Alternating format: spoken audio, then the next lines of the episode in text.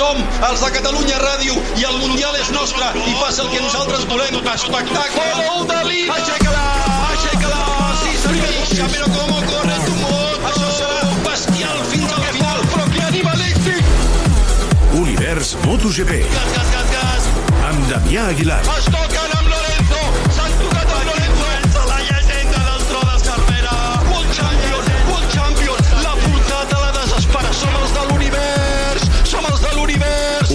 Univers MotoGP.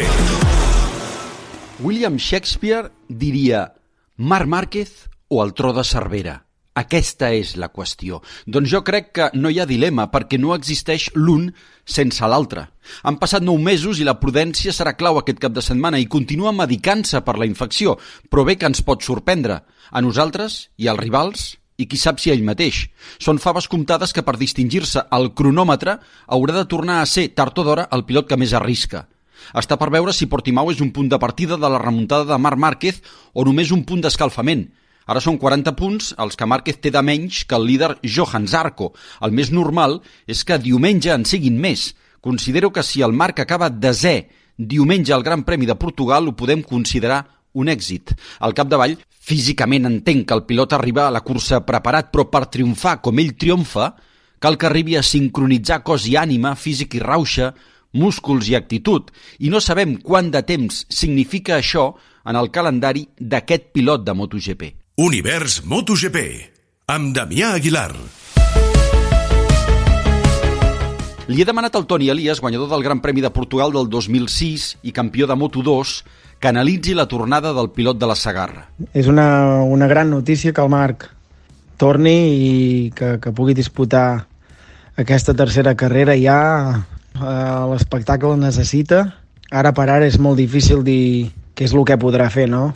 Primer de tot perquè depèn de la lesió i la lesió serà el que el deixarà fer més o el deixarà fer menys. Evidentment que si ell es troba bé, doncs tots sabem que, que té una capacitat molt gran i que ho pot fer molt bé i si la lesió li permet, i aquest cap de setmana podria ser molt competitiu.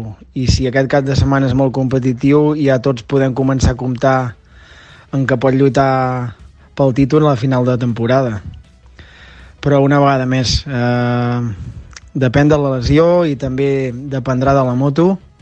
Eh, totes les marques de MotoGP han treballat durant aquest hivern. Potser és l'hivern que han treballat menys, perquè no han pogut fer gaires tests, i això pot ser que el benefici. Aquests són els meus dos interrogants, no? La lesió i les altres motos. Uh, de interrogant sobre el mar no en tinc cap ni un, com tots sabeu i com heu pogut veure en les últimes temporades, no? I, i bueno, pues aquest batxe l'han passat molts pilots, l'hem passat tots, sobretot grans campions com el primer ve Mick Duhan, Alex Cribiller, eh, que durant un temps pues, ho han passat malament a causa d'una lesió bastant forta i quan han tornat, bueno, pues han arrasat, no? I jo crec que és el que tornarà a passar. Marc Márquez no descarta res quan a la classificació, perquè ja sap que és remuntar un campionat que l'estiu semblava que tenia perdut.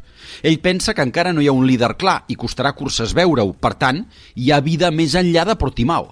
Ansietat per ser al seu màxim nivell? No ho sembla. La part tècnica també compta. La moto té els mateixos problemes que tenia fa nou mesos. Ahir, en general, els rivals el van felicitar, però segur que hi ha pilots molestos pel circ mediàtic que s'ha muntat amb la seva tornada, però és el peatge que el Mundial ha de pagar amb la seva icona. Univers MotoGP.